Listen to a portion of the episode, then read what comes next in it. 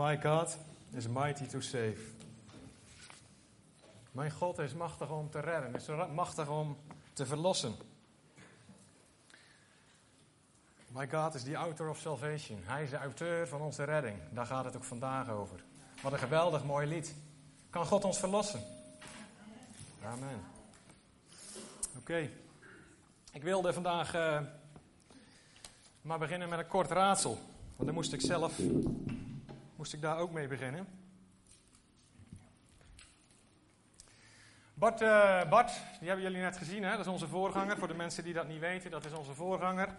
En Bart die vroeg aan mij of ik met hem in de maand november een prekenserie wilde doen over het boekje De Vier Bekers. Dat boekje dat heb ik hier bij me.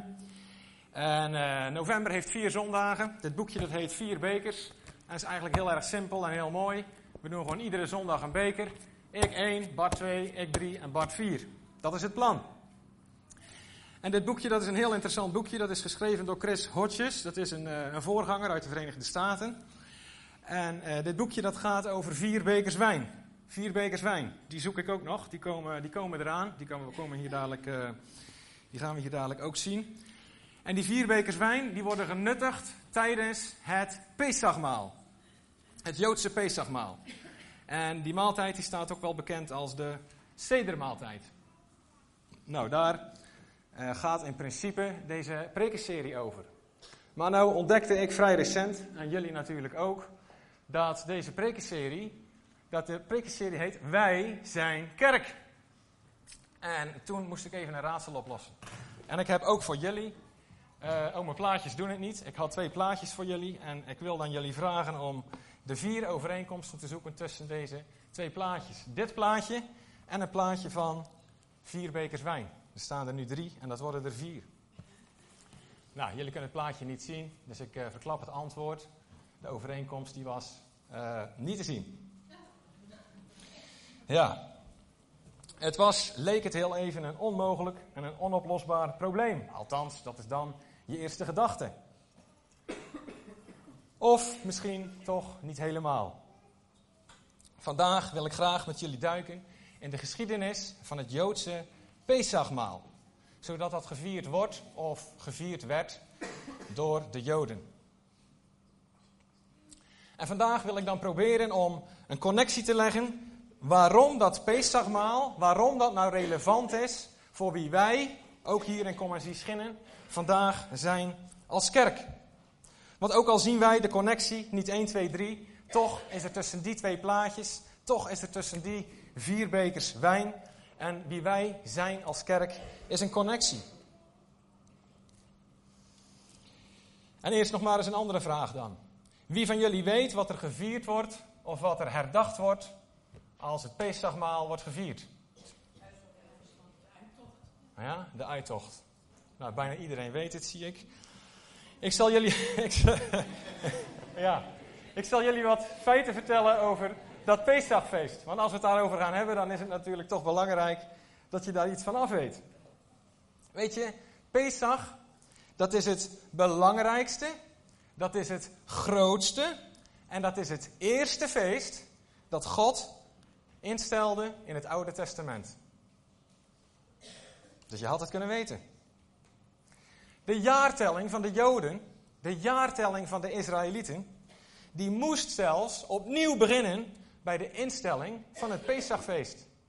Net als dat onze jaartelling opnieuw begon bij Christus. wij leven nu 2017 na Christus 16, ik loop al een jaartje vooruit, na Christus.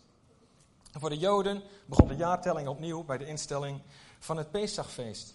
En dit is om te markeren dat het om een totaal nieuw begin gaat. Laat de maand van de Pesachviering de eerste maand van het jaar zijn, zei God tegen de Joden, zei God tegen de Israëlieten. Het woord Pesach, dat betekent overslaan. En het herinnert de Israëlieten, en we hadden het antwoord al gezegd, hè? het Pesachfeest, dan herdenken we de Exodus. Hè? Dus de, de uittocht van de Israëlieten uit Egypte. Dat was het goede antwoord. Je weet wel dat hele bekende verhaal uit het Oude Testament. Maar goed, het woord Pesach dat betekent overslaan. En het herinnerde de Israëlieten aan die ene avond, die ene bijzondere avond in Egypte, dat zij het oordeel konden ontlopen dankzij, dankzij het bloed van het lam, dat gestreken was op hun deurpost. Het was voor de Israëlieten was het de laatste nacht die zij doorbrachten onder de heerschappij van de farao in Egypte. En bij het aanbreken van de volgende nieuwe dag was er voor de Israëlieten een nieuw begin en ging Israël op weg naar het door God beloofde land. En zo is Pesachfeest onder de Joden een jaarlijkse traditie die iedere keer terugkomt. Ze staan dan samen stil bij wat God heeft gedaan in hun leven, in hun familie en ook voor hun volk. Ze herdenken dan samen de grote daden van God. Dat is belangrijk, dat moeten wij ook doen in ons leven. En dat gedenken van die uittocht, dat doen ze dus aan de hand van een maaltijd.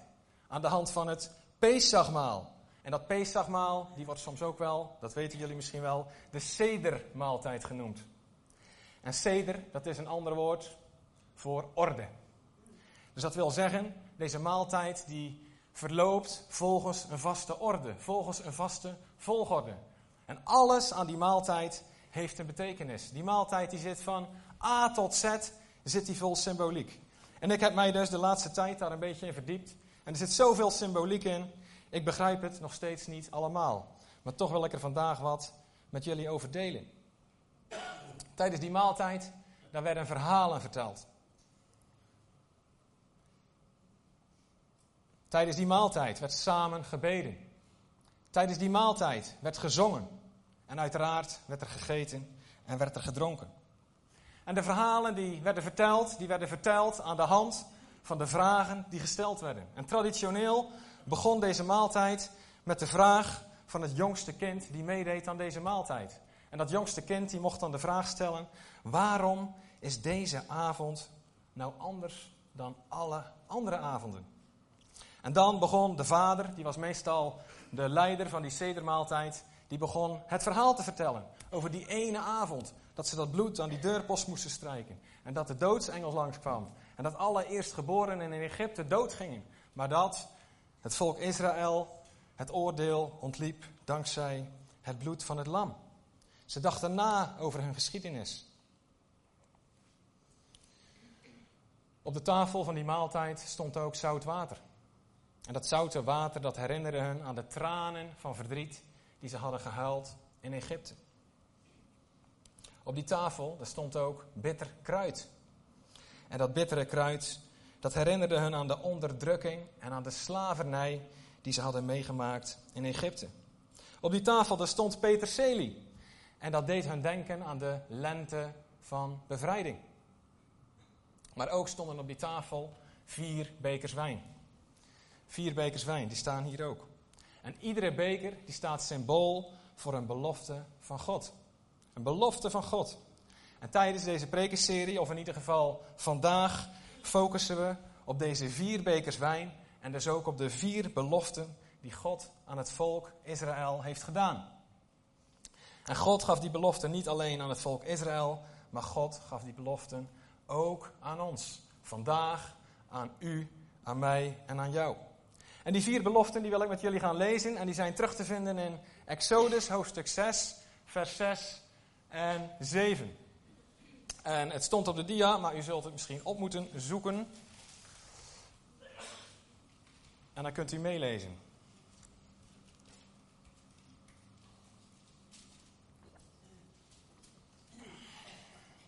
Exodus hoofdstuk 6, vers 6 en 7.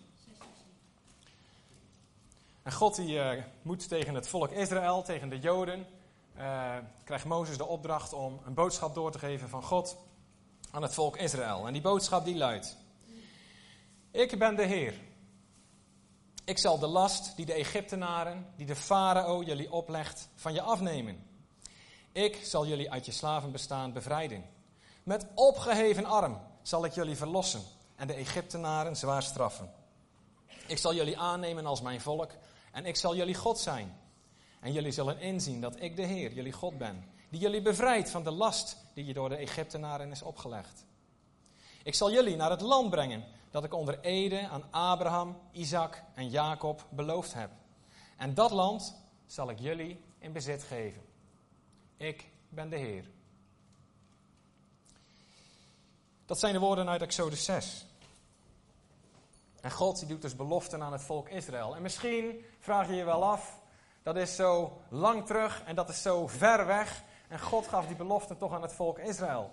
En waarom zijn die beloften die God aan hen doet nou ook belangrijk voor ons vandaag? Nou, luister wat de apostel Paulus daarover schrijft in de eerste Corinthiërsbrief. Paulus die zegt, datgene wat Israël gebeurde tijdens de uittocht uit Egypte, dat is een voorbeeld voor ons die leven in deze tijd. En deze tijd, dat is ook nu, want het is de tijd na Jezus. Het volk Israël, dat is het volk dat uit alle volken van de aarde door God is uitgekozen en door God is aangewezen om een licht te zijn voor de volken. De bedoeling is dat wij, ook hier en nu, dat wij kijken naar dat volk Israël, dat wij kijken naar de geschiedenis van dat volk Israël en dat wij leren wie God is. En dat wij leren hoe God handelt. En dat wij leren wie God ook vandaag de dag voor ons wil zijn. En zoals God het volk Israël wilde verlossen, wilde bevrijden en brengen op hun bestemming in het beloofde land, zo wil God vandaag ook ons, ook u, jou en mij brengen naar de plek die Hij voor ons heeft bedoeld. En zo is de geschiedenis van het volk Israël is één lange metafoor, is eigenlijk één lange profetie van onze relatie, van ons leven met God. Dus die vier bekers van belofte, die vier bekers, dat zijn een belofte, dat die zijn een brug vanuit de verre geschiedenis naar hier en nu vandaag. En dat betekent dat deze vier beloften dus zijn opgeschreven in de Bijbel, ook voor jou. En let op, een belangrijk detail. Want het accent in deze vier beloften, en die gaan we dadelijk nog wat nader bekijken, dat ligt op de woorden ik zal. En die ik, dat zijn niet wij, nee die ik, dat is God. God die begint iedere belofte met de woorden ik zal. Israël en ook wij worden verlost en bevrijd en wij komen op onze bestemming op basis van datgene wat God heeft beloofd. Op basis, gebaseerd op de belofte van God. In het Oude Testament staat geschreven dat God het gebed en het gekerm hoorde van het volk Israël. En dat hij dacht, staat er, aan zijn verbond met Abraham, Isaac en Jacob. God dacht aan zijn beloften. Als je een verbond sluit, dan beloof je elkaar wat. En God die had ons wat beloofd. Althans, Abraham, Isaac en Jacob. Het is de genade van God dat wij gered worden. Het is zijn initiatief. We lezen dat het zijn machtige hand is die in beweging komt om hun en ook ons te helpen. Het is Gods genade die redt in het Oude Testament en het is Gods genade die redt nu en vandaag, hier, deze dag. En laten we eens wat, samen wat beter kijken naar die vier beloften die staan in Exodus 6 en kijken wat dat betekent ook voor ons hier vandaag. Vier bekers tijdens de stedermaaltijd. En iedere beker stond voor een belofte. En de eerste belofte, dat is de eerste beker. Dat was de beker van heiliging. Die de Joden samen dronken. En bij die beker hoorde de belofte. Ik zal de last die de Egyptenaren, dat is de farao, jullie oplegt, van jullie afnemen. Let op, zijn jullie goed wakker? God bevrijdt Israël uit de macht van de farao door het zenden van een verlosser. En die verlosser, dat is Mozes. Mozes die leidt het volk uit Egypte weg van onder de heerschappij van de farao naar een nieuw gebied waar God hen zal regeren. En deze gebeurtenis is een voorafbeelding van hoe God naar ons toe komt in onze situatie. En hoe God ons vandaag de dag wil redden. Want op dezelfde wijze kunnen wij worden bevrijd uit het koninkrijk van de duisternis. Omdat God ons een verlosser zendt. En die verlosser, dat is Jezus. En hij bevrijdt ons uit de heerschappij van Satan, de vader van de leugen. En hij brengt ons in een ander koninkrijk, onder zijn heerschappij. En Satan verliest ieder recht van spreken in ons leven. Het is de Rode Zee die Israël definitief scheidt van Egypte en definitief scheidt van de farao. En de Bijbel zegt ons dat de Rode Zee dat dat een beeld is van de doop. En het is dan ook de doop die ons definitief scheidt van de heerschappij van de vijand in ons leven. In onze doop, en dat hebben wij vorige week gezien en vorige week gedaan, zijn er hier zeven mensen gedoopt. Daar beleiden wij dat wij een nieuwe Heer gaan volgen. En dan, vanaf dat moment, dan is het gedaan met de heerschappij van de boze in ons leven. Hij heeft geen recht van spreken meer. Prent dat goed in je hoofd. Het is gedaan met zijn heerschappij. En om aan deze belofte te denken, drinken de Joden tijdens de sedermaal uit die beker van heiliging. En heiliging, wat betekent dat? Betekent dat dat de Joden heilig waren? Nee, dat betekende heiliging, dat betekent apart gezet worden. Apart gezet worden voor een speciaal doel. En Israël werd door God apart gezet. Israël werd door God uit alle volken genomen en apart gezet om een licht te zijn voor de hele wereld. De bedoeling was dus dat vanuit de duisternis heel de wereld keek naar Israël en zag hoe God hun redde. En de boodschap was, dat wil God niet alleen voor Israël doen, maar dat wil God doen voor ieder mens hier op deze wereld. En op dezelfde wijze als Israël apart werd gezet om een licht te zijn voor de volken, zo worden wij, dankzij Jezus, apart gezet om een licht te zijn in deze wereld.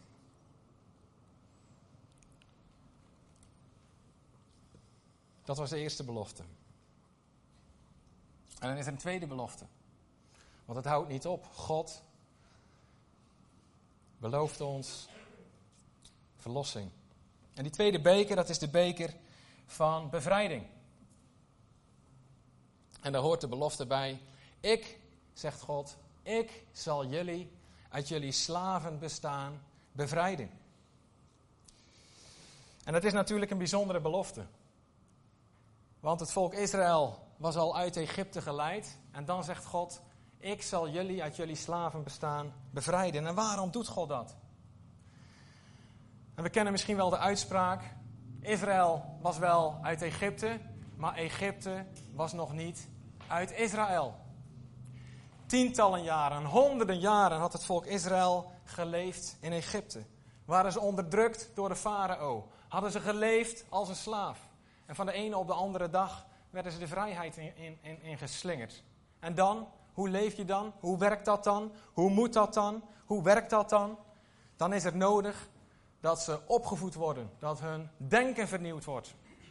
En God, die had voor hun klaarstaan aan de andere kant van de Rode Zee de wolk en de vuurkolom. En de wolk en de vuurkolom, dat is een beeld van de Heilige Geest. En zo zegt God ook tegen ons: Ik wil jullie bevrijden uit jullie slavenbestaan. Jullie denken moet vernieuwd worden. Ik wil jullie mijn geest schenken, die jullie zal leiden in alle waarheid. Ons denken moet vernieuwd worden en wij hebben daar Gods hulp bij nodig. En God zegt: Ik zal jullie helpen. Daarom zijn we hier ook in de kerk, om te luisteren naar het woord van God en om ons denken te laten vernieuwen. Wij hebben de leiding van Gods geest nodig, hier en nu in dit leven. En die geest, die wordt ook wel genoemd de geest van de waarheid. De waarheid wordt ons geopenbaard door God zelf. En in die woestijn, daar moeten wij genezen worden. Genezen van onze verwondingen die we hebben opgelopen daar in Egypte. En wat zijn dat dan voor verwondingen? Dat kan van alles zijn, ook voor ons. Misschien ben je daar in Egypte uitgescholden. Misschien ben je daar gekleineerd. Misschien ben je daar geslagen. Misschien ben je daar misbruikt. Misschien ben je daar. Vul het maar in. Vul het maar in.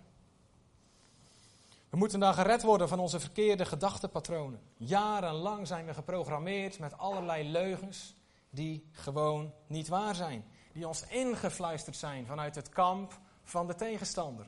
En wij hebben ze altijd geloofd. Zeker als kind, als je op deze wereld komt. Er komt van alles op je af. En wat is waar en wat is niet waar?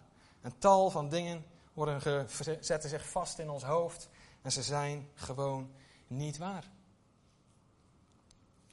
En er wordt zo van alles in ons oor gefluisterd. Jij kan niks.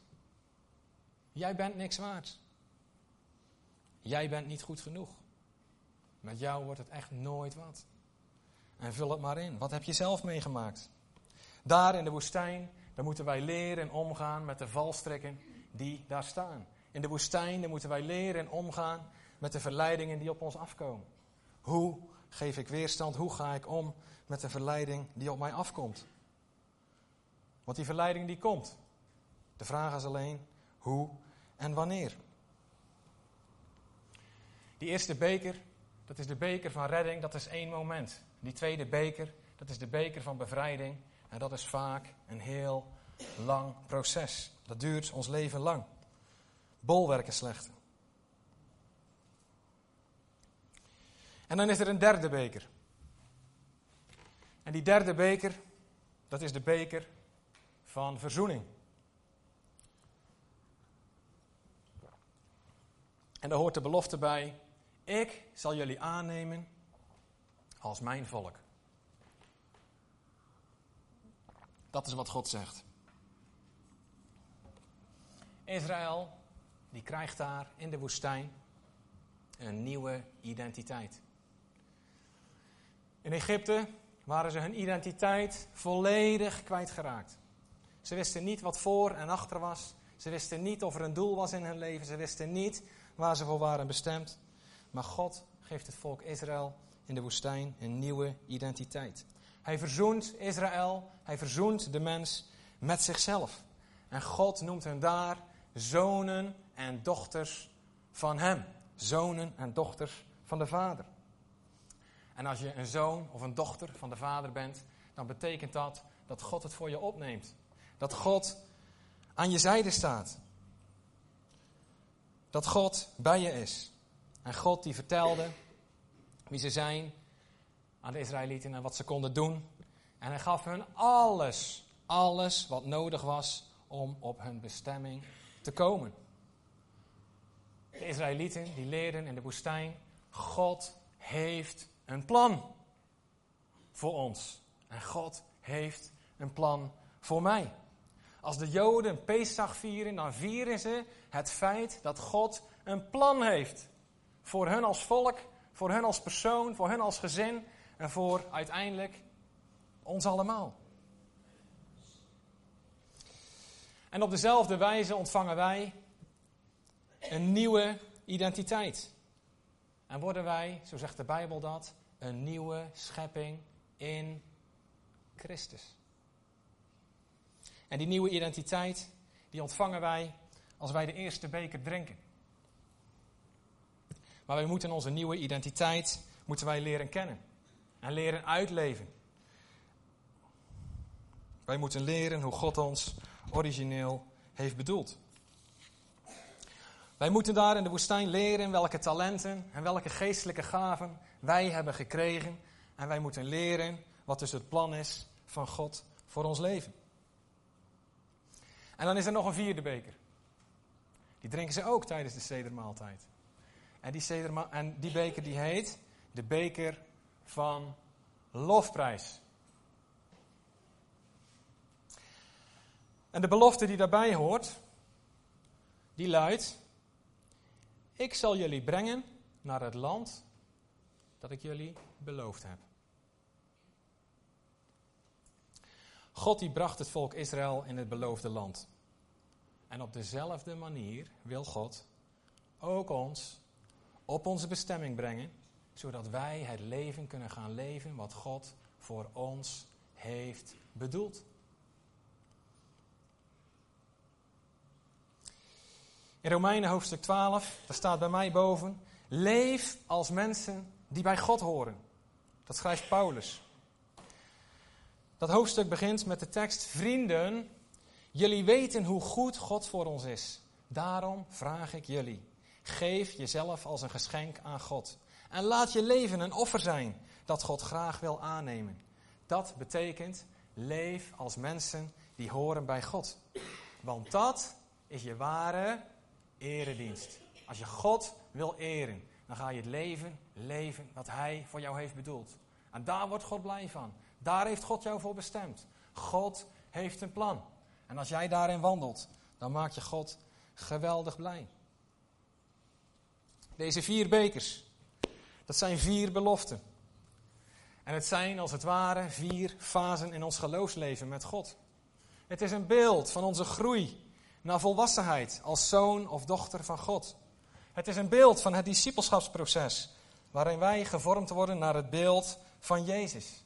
Want dat is het doel. Jezus is de volmaakte weerspiegeling van het beeld van God.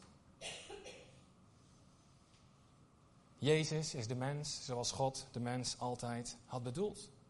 Het is Jezus zelf die tenslotte zei: Wie mij heeft gezien, die heeft de Vader gezien. In Genesis lezen wij dat we geschapen zijn, ik zei het net al, naar het beeld van God. En Jezus die kwam naar de aarde om dat beeld in ons te herstellen.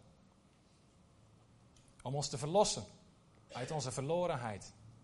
En terug te zetten op die hoge plaats die wij kregen van God. En wat heeft dit nou allemaal te maken met wie wij zijn als kerk? Alles natuurlijk. Alles. Want als kerk hebben wij de verantwoording en als kerk hebben wij ook het verlangen om alle vier die bekers aan te bieden. Aan jullie en aan iedereen hier om ons heen. Om iedereen te helpen om te komen op de bestemming die God voor hen heeft. En we willen alle vier die bekers aanbieden. We, en we beginnen dan altijd met de eerste beker. Dat is de eerste beker van heiliging of de beker van verlossing. En die eerste beker van heiliging, die wordt ook hier in de kerk wordt die aangeboden als hier de boodschap van het evangelie klinkt. Het evangelie, het goede nieuws, dat wordt verkondigd. De boodschap van de genade en de liefde van God. De boodschap is, God wil ons herstellen. God wil ons verlossen. Hij is de auteur van onze redding. De mens die gevallen is van de hoge plaats die hij kreeg van God. Geschapen naar het beeld van God. Met het doel om de schepping van God te beheren. Om de schepping van God te regeren. En die schepping, het paradijs, uit te breiden tot aan de uiteinden der aarde. Dat is het doel. Dat was het plan. Maar wat hebben wij ervan gemaakt? Wat hebben wij mensen ervan gemaakt? We hebben geluisterd naar de leugen. De leugen van de vijand. We kennen allemaal dat verhaal van Adam en Eva. En ze luisterden naar de leugen. Alleen, wij doen dat, echt waar, wij doen dat vandaag nog steeds. Er zijn heel veel leugens om ons heen. En waar luister je naar? Wat mag jouw hart beïnvloeden? Wat hebben wij ervan gemaakt? Wat is het resultaat van het luigen, van het luisteren naar de leugen? Dat is chaos. Chaos, oorlog, ruzie, nijd, twist, afgunst. En ga zo nog maar even door. Waar zit jij? Heb je er misschien ook aan meegedaan?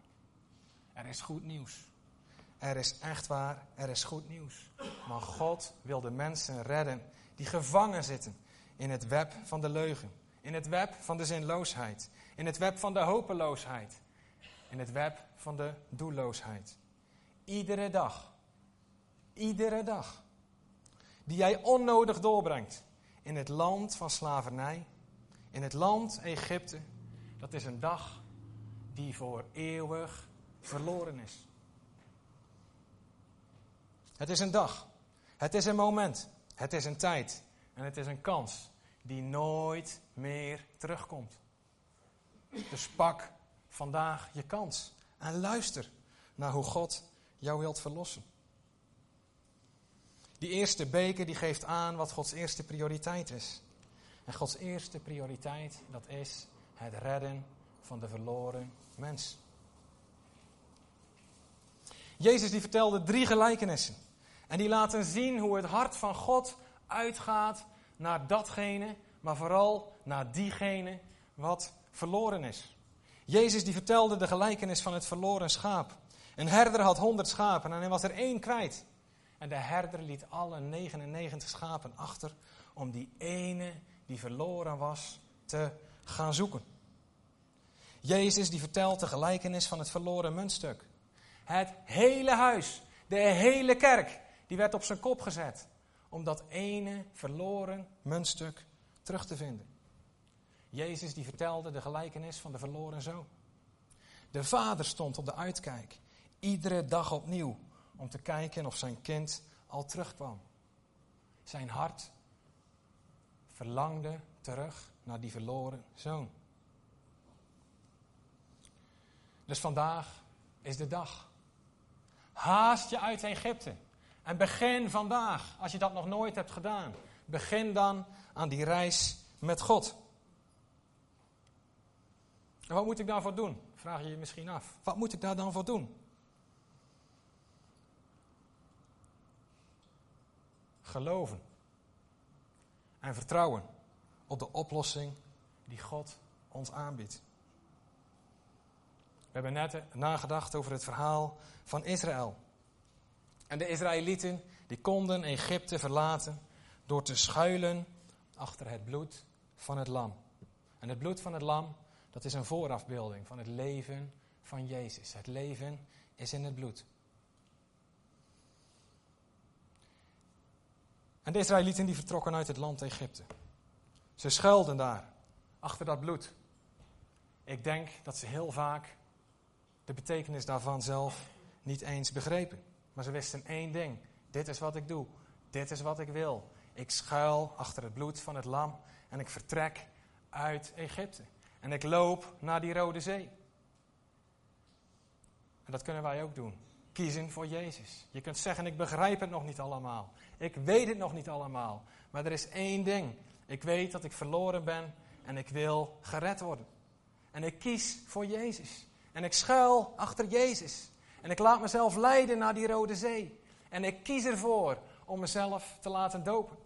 Zodat ik voor eens en voor altijd een statement maak en afscheid neem van het koninkrijk van de duisternis, van het koninkrijk van de leugen. En ik beleid dat de Heer, dat Jezus de Heer van mijn leven wordt. In de doop beleid ik dat ik vanaf dan iedere dag Jezus wil volgen. En het valt niet altijd mee. Ik zeg niet dat het altijd lukt. Als we kijken naar de geschiedenis van het volk Israël. Oei, oei, oei, oei, oei. Het lijkt wel op het leven van onszelf. We dabberen daar wat door die woestijn. Maar God heeft een groter plan. God wil dat jij op je bestemming komt. En dat kan. Dat kan vanaf dat kan iedere dag. En vandaag is weer zo'n moment dat dat kan. Dat jij de keus kan maken. Wat moet ik daar nou voor doen? Wat een bekende vraag. Weet je wie die vraag ook stelde? Op de Pinksterdag. Deed Petrus. Die kwam naar buiten en hij was vol van de geest van God. En hij sprak daar tot het volk. En ze hoorden het evangelie. En ze hoorden wie Jezus was. En ze wisten, dit is waar. Dit is 100% waar. En ze zeiden tegen Petrus, Petrus, vertel ons, wat moeten wij doen? En wat zei Petrus? Bekeert u en laat u dopen in de naam van Jezus, om vergeving te krijgen van uw zonden. En dan zal u de Heilige Geest geschonken worden. Bekeert u, kom op nieuwe gedachten. En draai jezelf om. 180 graden. En zeg vanaf nu ga ik verder met God. En niet meer zonder God. Jezus die zei, kom tot mij, allen die vermoeid en belast zijn. En ik zal u rust geven. Neem mijn juk op u en leer van mij, want ik ben zachtmoedig en nederig van hart. En je zult rust vinden voor je ziel, want mijn juk is zacht en mijn last is licht. Ik wil nog één laatste gewoonte die er was tijdens het zedermaal met jullie delen. En dat is een afsluitende gedachte. En daarna gaan we het avondmaal vieren. En misschien willen de mensen die daarvoor gevraagd zijn dat alvast voorbereiden. Weet je, de sedermaaltijd, als de Joden die vierden, dan keken ze voornamelijk terug. Ze keken naar de geschiedenis. En ze dachten na over wat God allemaal had gedaan in hun leven. Maar ik heb ontdekt, en ik ben niet helemaal goed geïnformeerd, want het is een hele ingewikkelde maaltijd, vond ik.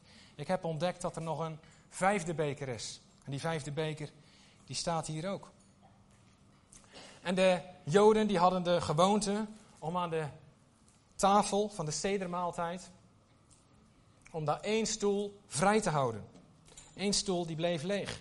En bij die ene stoel, daar hoorde ook één beker wijn. En die stoel die was bedoeld voor Elia. En Elia zou de profeet zijn die de Messias aan zou kondigen.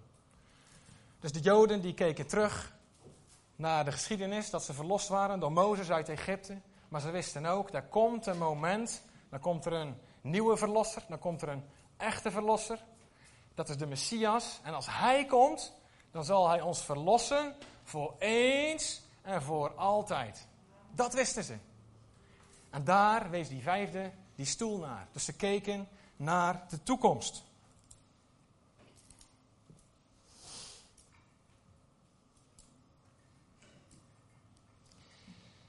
En hier komt dan de link naar het avondmaal. Het avondmaal wat wij samen gaan vieren.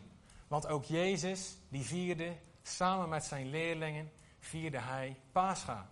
En, vier, en, vierde hij de sedermaaltijd. Op de avond dat Jezus verraden werd, had hij net de maaltijd genuttigd. Samen met zijn discipelen. En die maaltijd, dat was, denk ik zo, de sedermaaltijd.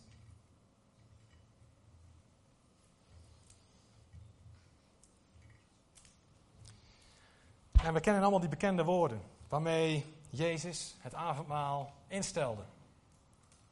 En die woorden die luiden zo.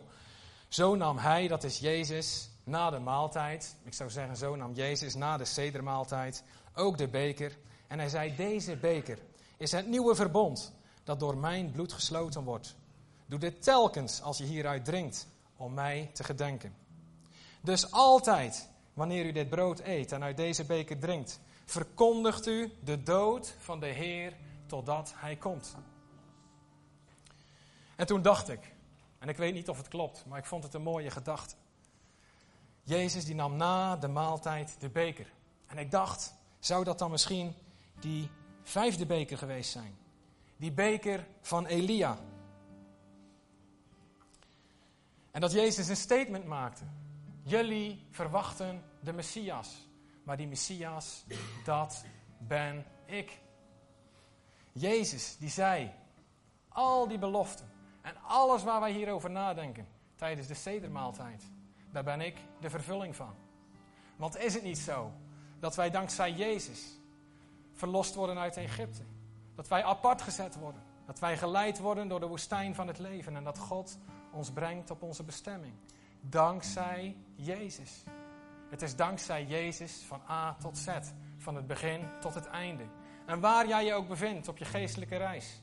Misschien zit je nog in Egypte en zeg je: Ik heb nog nooit gekozen voor Jezus. Misschien hoor je vandaag wel het evangelie, het goede nieuws voor de eerste keer.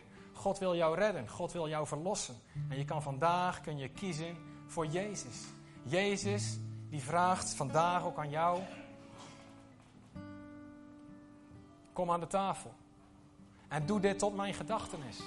En als jij voor Jezus wil kiezen, of als jij Jezus al volgt, misschien heb je al lang teruggekozen voor Jezus en Ben je vertrokken uit Egypte, leef je in die woestijn en zeg je ik ben eigenlijk verdwaald in de woestijn. Ik zit vast.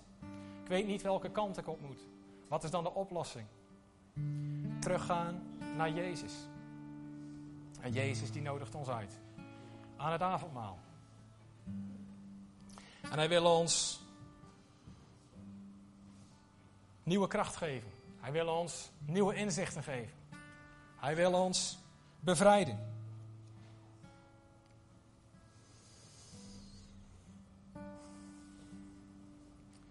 Jezus die stelde het avondmaal in. En wij hebben dat genoemd het heilig avondmaal. Ik geloof niet dat Jezus het heilig avondmaal instelde. Dat hebben wij gezegd. En waarom? Omdat het een maaltijd is die apart is gezet. Het is niet gewoon een alledaagse maaltijd. En we lezen in het boek Handelingen dat de christenen iedere dag het brood braken. Samen in de huizen. En dat mag ook iedere dag. Dat is ook mooi. Want avondmaal is geen alledaagse maaltijd. Het is een maaltijd waar Jezus Heer is, waar Hij je uitnodigt. En waarvan Paulus ook zegt: Kom met geloof. Kom met geloof naar deze maaltijd. En weet wat je eet. Want als je niet weet wat je eet, als je niet weet wie Jezus is.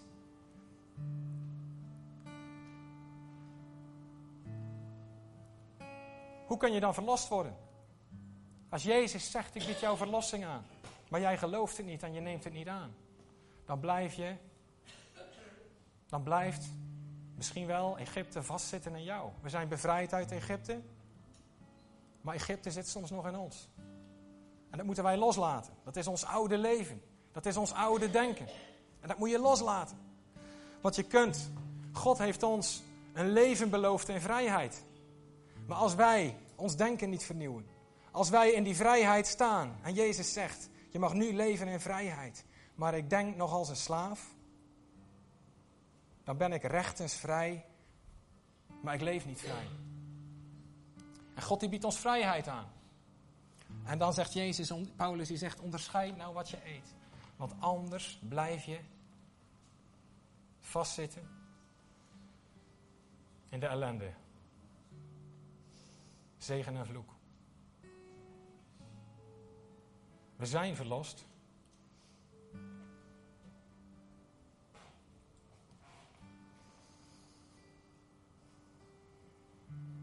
Goed. Um, laten we allemaal een moment onze ogen sluiten.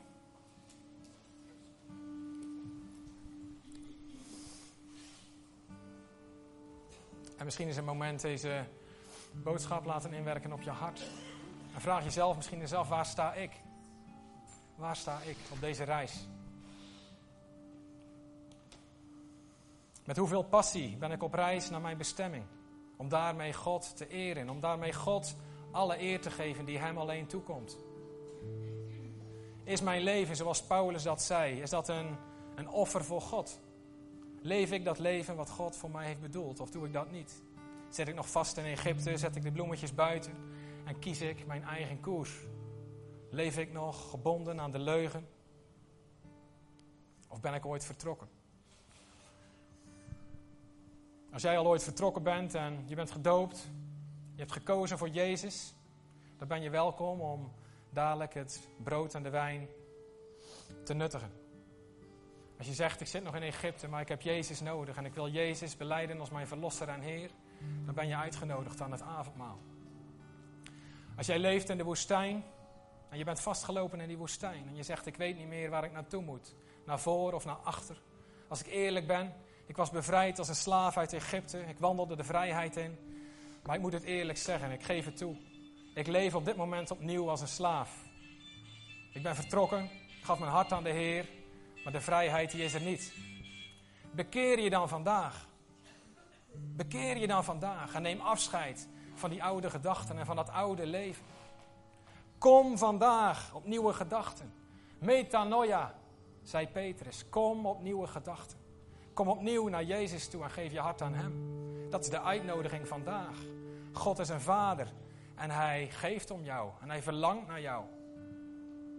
Als een verloren kind wil Hij jou sluiten in de armen en wil Hij jou eren en prijzen en brengen op de bestemming die God voor jou heeft bedoeld.